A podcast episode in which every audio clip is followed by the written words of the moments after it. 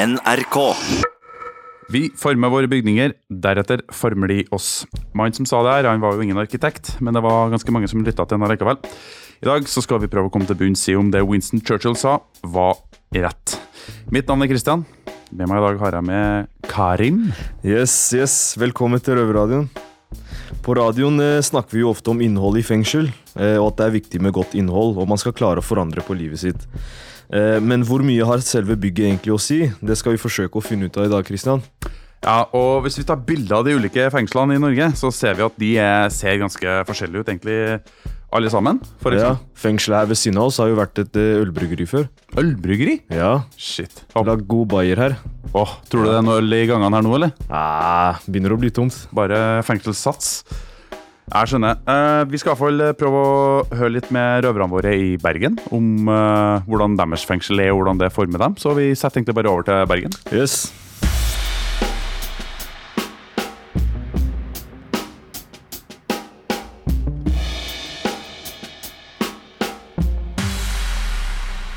Hei sann, oppsann. Velkommen til Bergen fengsel. Hei, hei. Hei, Miguel. Hei.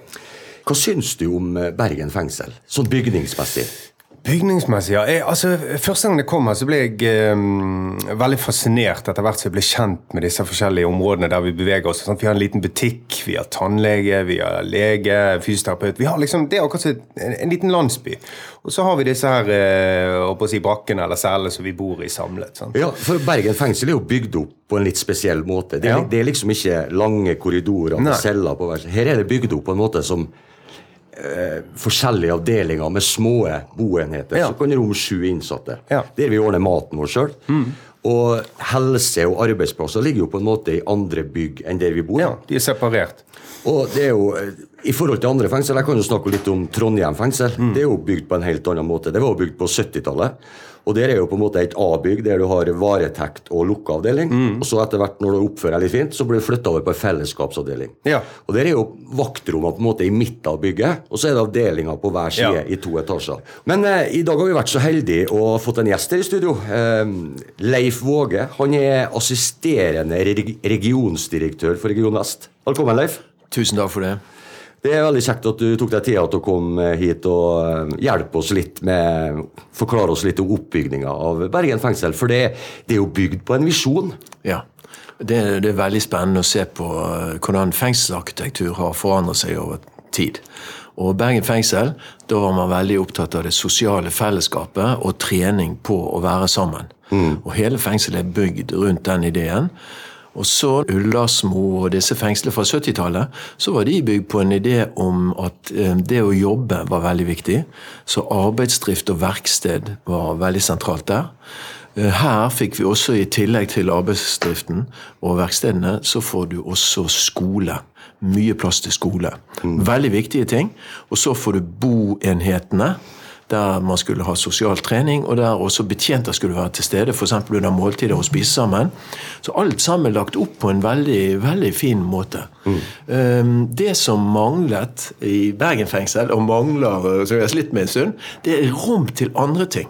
F.eks. når jeg begynte her som psykolog på midten av 90-tallet, så var det ingen psykologkontor, ingen grupperom, ingenting du kunne drive eh, psykologisk virksomhet i. Så da delte jeg kontor med legen til jeg fikk en celle inne på en cellegang.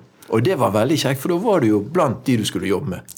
Ja, for, for hvis vi går litt tilbake i tid, da. Bergen fengsel åpna jo eh, på 90-tallet. Ja, I 90, utgangspunktet, ja. utgangspunktet bygd til 152 innsatte. Ja, ja. Og i 1998 så kom det jo eh, A-øst, som vi kaller det her. det, er jo, det er jo i utgangspunktet ei varetektsavdeling tiltenkt. Ja. Og, og nå, eh, vi, vi snakka om at det var en betjent per boenhet. Og da var det vel sånn at den betjenten skulle på en måte være sammen med de innsatte for å oppnå noe. Ja da.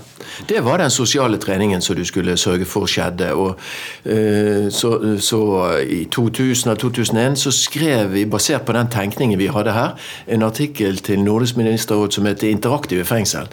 Og det var nettopp den tanken at uh, innsatte og ansatte hadde interaksjon, og at du hadde strukturerte interaksjon på den måten at du laget programmer og utviklet det, at arbeidsdriften hele tiden jobbet strukturert for å utvikle eh, ferdigheter som du trenger når du kommer ut. Det som jeg savner egentlig eh, veldig mye nå, det er det at vi har en, en bygningsmodell som gjerne tenker sikkerhet, men som tenker lite på endringsmodell. Hvordan skal folk forandre seg i fengsel? Hvordan, hvordan skal de Og hvis du ser på fengslene våre, så, de, eh, så hadde jeg hatt lyst, til, med mitt utgangspunkt, å bygget sikkerheten mer skjult og laget mer skal vi si, vennlige omgivelser. Fordi endringsprosessen hjelpes av det. Det vet vi masse om. Og Hvis du går ned på en av celleavdelingene våre her i Bergen fengsel, så hører du det er et forferdelig bråk. Og, og, og det har vi målt på, på støymålingen, og det er ganske høyt. Så det smeller i nøkler mot metall og celledører og ganger som ljomer. Det, det er ikke bra.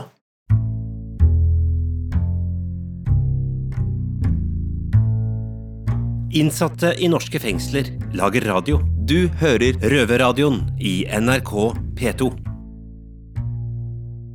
Da har vi hørt litt fra Bergen fengsel og sjekka litt om hvordan landsbymodellen fungerer der. Ja, det hørtes jævla bra ut. Eh, men for å egentlig komme litt til bunns i hvordan dette her er, så har vi jo fått med oss eh, en gjest i dag. Foran meg i dag nå så står eh, Elisabeth Fransson, sosiolog og forsker ved Kriminalomsorgens høgskole og utdanningssenter KRUS. Velkommen skal du være. Velkommen. Tusen takk. Hvor stor betydning har selve fengselsutbyggingen på eh, den innsattes rehabilitering? Jeg kunne tenkt meg å liksom starte mer med å tenke sånn hvordan, hvordan er det å komme inn i fengsel? Og kjenner man på en måte på at fengsler er ulike? Har dere kjent noen gang på det der med at, at dere kan kjenne på helt ulike atmosfærer? Krefter? Spenninger? Ja, vi har Ja. sona litt på forskjellige fengsel, både jeg og Karim her. Um, jeg har jo blant annet sona i Bergen fengsel, som er et, sånn utforma som et helt annet type fengsel enn det fengselet vi sitter i nå, som er Oslo fengsel. Mm. Med ja, litt mer sånn landsbyfølelse, med boenheter hvor du har en lang gang, sånn som du har her, men disse dørene i den lange korridoren leder inn til en boenhet. Mm. Slik at man blir på en måte ikke så isolert som man blir her. da. Du blir, de låser døra til boenheten når de har møter eller når de har ditt, eller hvis en alarm går, men de låser, de låser liksom ikke inn på cella. Nei. Så du har fortsatt, selv om alarmen går, så kan du fortsatt stå og lage mat og spille sjakk og se på TV sammen med andre. Så det er en litt annen tilnærming. Det er en helt annen øh, sånn stemning da, Ja. i Bergen fengsel. Nei, nei, jeg har vært innom, eh, innom tre-fire forskjellige fengsler, og jeg syns eh, at eh, Oslo fengsel eh, særlig kanskje har tenkt minst mulig på rehabiliteringsbiten når de har utforma fengselet, da. Mm. Og når du sier det da, så, så, så blir jeg veldig nysgjerrig på liksom, åssen kan du merke det? Nei, det er, jo, det er jo måten man føler seg på som en innsatt her, Ja. hvor man er eh, ofte veldig kontrollert. Har eh, utallige metalldetektorer man skal gå gjennom, og det er vanskelig å komme fra, fra A til B på egen hånd. Mm. Så man føler seg litt som en eh, fanga i bur, da. Og det, det syns jeg er For da er vi, snakker vi på en måte om eh, sånn som dette her med Rehabilitering er jo et veldig stort begrep. Men det dere forteller om nå, er jo hvordan en korridor Altså at det avhenger om at du kommer ut i et fellesskap, eller, og du føler deg relativt sånn kan føle deg litt åpen i et åpent fellesskap, og sånn som du også sier i forhold til det at det, er trangt, du føler at det på en måte er kontroll, du blir sett. Og det tenker jeg handler om rehabilitering, og det handler om normalitet. Ja. Fordi at noe av det som er det helt sentrale i kriminalomsorgen, er at det, normalitetsprinsippet skal stå veldig sterkt. Men når jeg eksempel er ute og snakker med innsatte, og også med yngre innsatte En fortalte meg for eksempel at han ikke hadde besøk fordi at han måtte gjennom visitering eh, før og etter. Mm. Og det betyr eksempel at eh, sånn som du erfarer fengselet, det får en helt konkret betydning, helt kroppslig, på hvordan du opplever det. Og det har jo betydning. Eh, ut fra dine erfaringer, er det store eller små fengsler som funker best? Mm. Altså det som vi vet, eh, og da eh, lener jeg meg til forskning på KRUS, eh, det er at eh, de små fengslene scorer mye høyere på trivsel og velbefinnende i forhold til de store fengslene. Ja. Og derfor så er det også veldig paradoksalt nå at man har lagt ned de små fengslene. Ja. Fordi noe av det som virkelig viser seg å ha fungert i Norge, det er jo disse små enhetene. Hvor man har hatt en mye større grad av normalisering. Normalitetsprinsippet har stått mye sterkere. Og det har ofte vært en litt sånn sterk ideologi også, i forhold til sånn som eh, eh, Hassel og en del av de andre fengslene, også Bastøy, ikke sant. Bastøy bygger på en, en mer sånn humanøkologisk De har hatt en idé med det som skal ligge til grunn for fengselet. Ja, jeg har jo sittet, som jeg sa, i Bergen fengsel, og der var det jo en, eh, en avdeling som dessverre også ble lagt ned. Eh, Osterøy fengsel. Eh, jeg vet ikke, Tenker du også litt i forhold til at de er åpne, eller tenker du også at det burde være en lukka fengsel som er mindre, men lukka fengsel drevet mer som, et, eh, som de åpne fengslene er? Fordi den åpne avdelinga jeg satt på, den, der var det jo 34 innsatte. Kvinner Ja. og menn sona sammen. Og alle måtte faktisk jobbe der. Du følte en sånn tilhørighet til øya, for det er jo ei øy som det var vanvittig mye vedlikehold med, for å faktisk holde den øh, ved like. da. Så alle hadde på en måte en sånn liten interesse av at den øya ble holdt ved like, for da fikk vi på en måte være der og, og sånne ting, og alle deltok i den jobben. Så det var jo en helt annen tilnærming til samfunnet å være der, i forhold til hvordan det var å bare bli låst inn i en korridor og Ja. glemt, liksom. Ja. Jeg sitter akkurat og skriver eh, på en artikkel, jeg har egentlig ferdig med den, om eh, fengselsceller i Italia og Norge for kvinner. Jeg har hatt noen interessante fokusgrupper på Bredtveit, blant annet. Og det som vi ser i, den, eh, i den, det lille prosjektet, det er jo at i Italia Dette har også noe med kultur å gjøre. Men eh, i Italia så er det ikke så mye muligheter for sysselsetting og skole og sånne type ting. Men det kvinnene gjør, det er at eh, de bor jo for det første eh, på flere cellsrom. Altså det er fire-fem kvinner som har Og det er lite plass, og de må organisere. De setter aldri en som eksempel er i nærheten å ta sitt eget liv, alene på en celle. Det er helt imot Altså, det er helt ulogisk å tenke på den måten. For en, en som er sliter psykisk, må alltid være sammen med andre. Ja. Og når de da kommer Dette er en Philadelphia-motell, så når de kommer ut på korridoren, så møter de andre kvinner, og de kan stå og rope til hverandre fra, fra forskjellige nivåer. Og det er språk, og det er, og det er et utrolig støynivå når du kommer inn som med din sånn norske bakgrunn, da. Men, men eh, det som var interessant når jeg snakka med eh, disse kvinnene i den fokusgruppa på Bredtveit, det var denne her med den stillheten. Altså det der med det å sitte alene på celle, prøve å fokusere blikket, holde kroppen i ro, altså komme ut på en korridor som de sa det er ikke noe der. Og da kan man jo tenke sånn, hvis du for eksempel da er i en fase hvor du isolerer deg, hvordan er det da? Kanskje så er det da ganske komplisert å ta det skrittet ut i korridoren, gå Ja. til fellesrommet, og alle sånne ting. Nå sier ikke jeg at vi skal ha svære eh, rom med mange, men jeg bare prøver å si at det, rom betyr noe uansett. Og det er vanskelig alltid å si om det er eh, positivt eller negativt, det tror jeg man må studere helt spesifikt. Men jeg tror at eh, det er jo interessant at, sånn som dere starter med å si, at man kjenner jo på kroppen at det er forskjellig i forskjellige fengsler, og at noen steder så føler man seg bedre enn andre steder. Nei, altså Hvis vi tar Stor- Halden ja. som et eksempel, Ja. da, da eh, Fengselet er jo på en måte Hvis man går innafor murene, så ser man at fengselet er på en måte bygd som en liten by. Eh, der man har forskjellige blokker, og så har man litt skog i midten og Men eh, jeg vet ikke helt så hva som var tanken med det. Fordi man må jo fortsatt bli fulgt overalt. Det er jo fortsatt Når man går der, så Det bæres preg av mye sikkerhet fortsatt.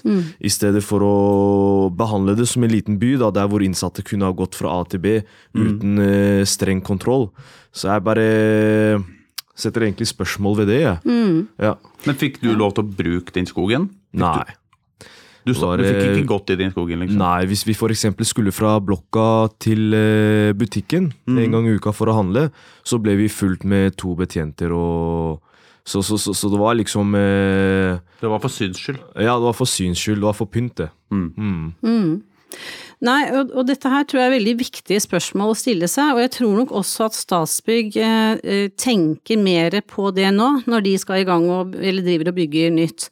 Um, det stemmer veldig godt med det vi, det vi lille vi har på forskning, det som du sier, i forhold til at, at når du satt der, så, så, så, kunne du se skogen, men du kunne ikke bevege deg i den. Mm. Og det skriver jo Berit Johnsen i den boka som heter Prison Architecture and Humans, som man kan laste ned fritt, et kapittel om, og hun bruker et eksempel fra, fra en innsatt som prøver å, å å, på en måte lage en forestilling når at han på en måte løper i Frognerparken. Mm. Han prøver å skape en forestilling inni hodet sitt, men det han egentlig gjør, det er at han løper inne Han lager en arena i cella si. Mm.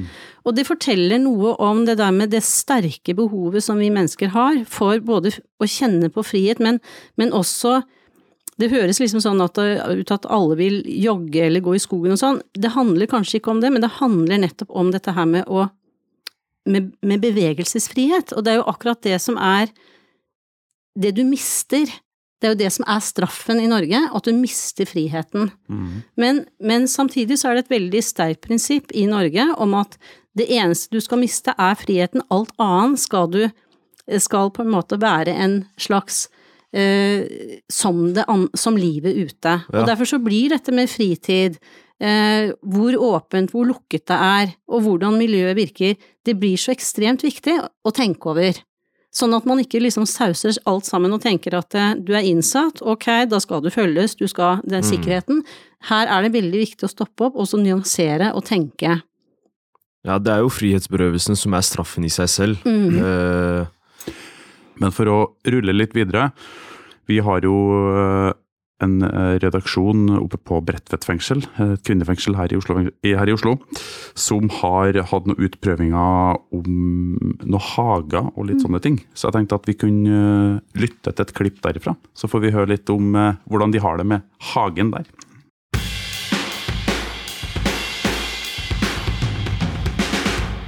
Savner du å kunne gå i skogen? Ja, jeg pleide å dra på hytta hver helg for å slippe unna stresset. Jeg heter Tina, og med meg har jeg Pernille, og vi her på Røverradioen har lytta til et amerikansk radioprogram i dag som het eh, Hidden Brain. Hva var det det handla om, Pernille? Programmet handlet om eh, hvordan folk blir påvirket av å ha tilgang til grønne områder i byen. Og det viser seg at det har veldig stor påvirkning på helsa, både fysisk og psykisk. Som eh, for eksempel Hun forskeren som ble intervjuet, hadde funnet ut at eh, vi blir mindre stressa og får bedre immunforsvar. Og at bare det å se på trær faktisk senker pulsen. Ja, vi sender jo i dag fra Bredtvet, og Bredtvet, for dem som ikke veit det, det ligger jo i Groruddalen i Oslo. Og vi kan som borgerne i byen ellers se litt grønt omkring oss. Men hvordan ser det egentlig ut med grøntområder her inne på fengselet, Pernille? Jo, vi har fem eh, flotte hager her med blomster, trær, bærbusker. Som ble bygd fra Nav-kurs de siste fem årene. Ok, altså samme type Nav-kurs som det vi gikk på i sommer, da? Det stemmer. Ja, vi var jo så heldige begge to å få være ute i sju uker. Ja. Og anlegge en hage helt fra grunnen av. Vi, vi brukte gravemaskin, lagde voller, hogde skifer for hånd, la belegningsstein og beplanta alt dette her med så vel frukttrær som bærbusker og blomster.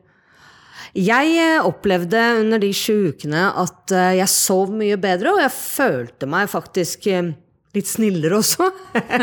Hadde du noen positive effekter, syns du? Det hadde jeg. Jeg har jo høyt blodtrykk, og det var markant lavere de ukene vi var på kurset. Ah. Noe som igjen bekrefter det programmet vi hørte på, sa. Synd, da, er jo at vi har veldig lite tilgang til disse grøntområdene. Ja. Ti minutter eh, på morgenen og ti minutter på kvelden når vi har røykepauser. Tror du at eh, tilgangen, mer tilgang til, eh, til disse områdene, ville gjort noe forskjell for oss? Ja, det fikk vi jo bekrefta i fjor sommer, når vi fikk full tilgang store deler av dagen til den ene hagen. Da var det jo ingen krangling, ingen dårlig stemning. Alt var bedre her inne. Ja, jeg sjøl satt jo i fengsel i Sverige i flere år før jeg kom hit, og da hadde jeg muligheten til å jobbe i Veksthuset der i fire år, og det var jo en fantastisk opplevelse. Å komme inn dit om morgenen, bli overvelda av alle sansene mine, av lukter fra alle blomstene, farvene, Og det å, å tutle rundt der og grave i jorda hver dag og være i kontakt med naturen, selv om man fremdeles var inne i en bygning, da, det, det gjorde stor forskjell fra meg. Sånn at igjen, min personlige opplevelse bekrefter jo da det vi hørte om i programmet i dag, at uh, absolutt har mye å si for uh, så vel fysisk som psykisk helse. Så etter alt dette, hva tror du? Tror du vi hadde hatt bedre av å være mer ute i det grønne, Pernille? Ja, jeg tenker at tilgang til grøntområder absolutt burde bli en viktigere del av fengselslivet.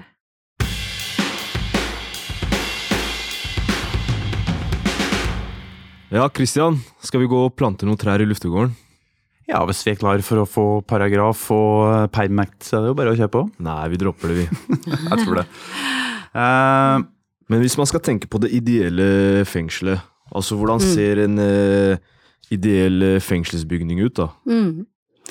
Ja, og det er jo Det er vanskelig for meg å på en måte si sånn helt eksakt hva det skulle være, men det jeg kan si på bakgrunn av det vi jobber med mer forskningsmessig, det er jo at det er en stor eh, diskusjon nå på, mm, innenfor fengselslitteraturen i forhold til dette her med uh, hva er uh, Hvor begynner fengselet? Hvor slutter fengselet? Har du med deg fengselet i kroppen videre ut i samfunnet når du forlater fengselet? Disse tingene er veldig viktige. Og så er det jo sånne ting som at kan man tenke seg at det går an å åpne noe uh, som egentlig er lukket? Åpne det over og ut mot lokalsamfunnet. Og da skal jeg komme med et, et eksempel. Um, I dette ene fengselet som vi har uh, sett på Italia, som heter La Rebibbia, som ligger uh, i Roma, så er det i murene i fengselet, dette er et gammelt fengsel, så har man bygd butikker. Man har en ostebutikk, og man har en brødbutikk, og forskjellige andre butikker. I den ene ostebutikken så er det en kvinnelig innsatt som driver den. Hun lærte seg å lage ost mens hun satt inne i La Rebibia, og fortsatte med det og har nå driver denne butikken som ligger i fengselsmurene. Folk, folk kommer kjørende for å kjøpe ost der fordi den er god. eh, og det, dette er interessant, fordi det, det er veldig vanskelig å tenke seg det at vi skulle tenke sånn i Norge. Mm. Og nok et eksempel er jo en, et, et, fengsel i Maliano, som det har blitt skrevet en del om. Det er jo en, et fengsel hvor man har åpnet den ene biten eh, for å lage en restaurant som drives av innsatte, og så kan da folk komme inn den andre veien og besøke og, og spise der. For dette er nettopp interessant arkitektonisk fordi at man prøver å, å gjøre noe med eh, med det man kaller border, altså the borders, altså grensene mellom ute og inne. Og det interessante spørsmålet er jo nettopp går det an å tenke annerledes i Norge på det åpne og det lukkede? Mm. Går det an å åpne fengselet eh, på måter som, som, lager en eller annen sånn berøring med utenverden? Mm. Men, men igjen så kommer jeg tilbake litt der vi starta, når dere forteller om åssen det er å gå og være i ulike avdelinger. For til syvende og sist så kan ikke jeg skjønne noe annet enn at det er, det, det er et veldig, veldig viktig aspekt ved at man skal videre. Eh, fordi at det handler om den bevegelsen. Hva er det som skjer med deg uh, helt sånn eksistensielt når du er i et fengsel? Og derfor så betyr nettopp dette med det materielle, det sosiomaterielle, hvordan vi forholder oss både til tingene rundt oss, hvordan tingene rundt oss påvirker oss. Og det påvirker ikke bare innsatte, men det påvirker også i høy grad ansatte. Mm. Ja, det syns jeg Ja, det høres ut som et eh, Jeg tror at hvis vi skulle ha beskrevet et drømmefengsel, som vi gjorde i en tidligere sending her, så tror jeg ikke engang jeg hadde klart å fantasere meg fram til de kule løsningene de har i Italia. Ut ifra det vi har snakka om i dag, så lurer jeg egentlig litt på vil det være rett av meg å si at et rehabiliterende fengsel er et fengsel hvor, uh, hvor som er bygd etter at, uh, som er utforma etter innholdet i fengselet? Ja, jeg tror at et rehabiliterende fengsel, det tror jeg i hvert fall må være et fengsel som har en ganske er forankra også i et brukerperspektiv. Jeg tror det er veldig viktig at vi sånn som vi har gjort det innenfor helsesektoren og i mange andre eh, sektorer, så har vi vært opptatt, det ligger nærmest som en sånn forpliktelse, at man skal ha et brukerperspektiv. Og jeg tror det er veldig viktig nå at kriminalomsorgen også tar på alvor at vi må ha brukernes stemme inn på en ordentlig måte. Eh, og jeg tror at et samvirke mellom planleggere, eh, arkitekter, forskere og brukere kan være en veldig god eh, eh investering for fremtiden. Ja, Vi får vel bare håpe at uh, det blir bygd bedre fengsler fremover, da, Kristian. Ja, jeg tenker det at uh, det bør ikke bygges uh, nye fengsel i Norge uten at de har snakka med Elisabeth på forhånd. Det, det syns i hvert fall jeg. Nei, men uh, alvor, altså, jeg syns uh, det har vært en uh, fantastisk god prat. Jeg tror vi kommer til å, og andre innsatte i norske fengsel kan ironisk nok drømme seg litt bort og ønske at de sona i Italia istedenfor. Så jeg takker i hvert fall for praten, Elisabeth. Det var mm. veldig interessant og kult å høre på dine erfaringer og sånne ting. Takk for besøk. Tusen takk, det var spennende å være her. Takk til dere. Yes.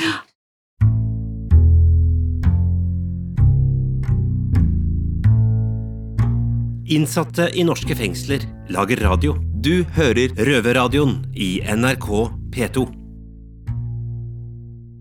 Eh, men eh, nå tenkte jeg å høre litt fra gutta her i Oslo fengsel eh, om hvordan de vil at fengslene skal være. Og vår utegående innenmursreporter Leo har tatt seg en tur oppe i avdelinga og inn på cella til gutta for å høre litt hva de mener. Yes. Hvordan ser drømmefengselet ditt ut? Ja, jeg skulle hatt noen Versace-vegger. Versace-vegger? ja, ja, ja. Hvitt og gull. Vegger og egentlig all hele bygget skulle vært bygd av tre. For at uh, treverk gir en sånn, litt sånn romsligere følelse enn det, det man får av betongvegger og sånn. da. Hadde det ikke vært sånn rømningsfare pga. treplankene? De kan jo lage av mahogni da, eller noe sånn herda treverk. da, De har ikke noe problem med det. Først og fremst er det et eget bad på cella. Veldig viktig. Med massasjedusj. Skjønner du? Ordentlig do. Jeg ville hatt uh, veldig høyt under taket. Jeg ville hatt parkett. Uh, jeg ville hatt uh, tapet på veggen med flanelltapet, rød flanelltapet som bytter farge når du drar hånda opp og ned på den. hva heter det tre, tretypen? Det heter Teak, ja. Helt riktig. Spesielt teak. jeg ville hatt en lampe i taket som hang ned. Ikke sånne institusjonslamper som vi har nå. Eh, nesten litt lyskroneaktig. Gull, gull på gulvet, f.eks. Så fordi at det er liksom så klinisk, liksom. Men uh, det jeg ville gjort, er i hvert fall fått et uh, tregulv. Som ikke er sånn flise, liksom, men sånn Jeg veit ikke helt, det er bare verdt å finne sånn, men et eller annet tregulv. For at det, man får mye mer stabilitet og, og Eller av sånn skifer, sånn stein, liksom. For at da Derfor blir det mer jorda. Jeg vet ikke hva vi står på. Jeg. Det er i hvert fall plastikk med et eller annet betongdritt under eller noe. Eh, hvordan vil du at veggen Du sa jo at gulvet skal se gull ut. Hvordan hadde du gjort det med veggene, da? Gull, det også, ass. Tak også gull? Alt mulig gull. Wow. Luksus, du vet.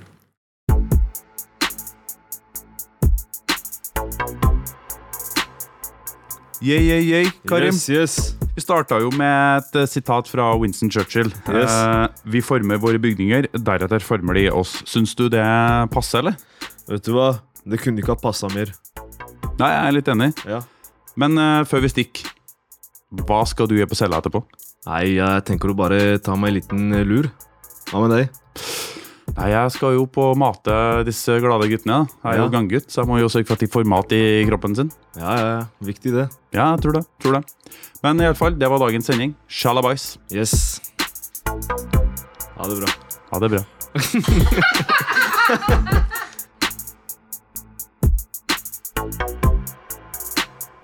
Røverradioen er laga for og av innsatte i norske fengsler. Tilrettelagt for streitinger av Rubicon for NRK.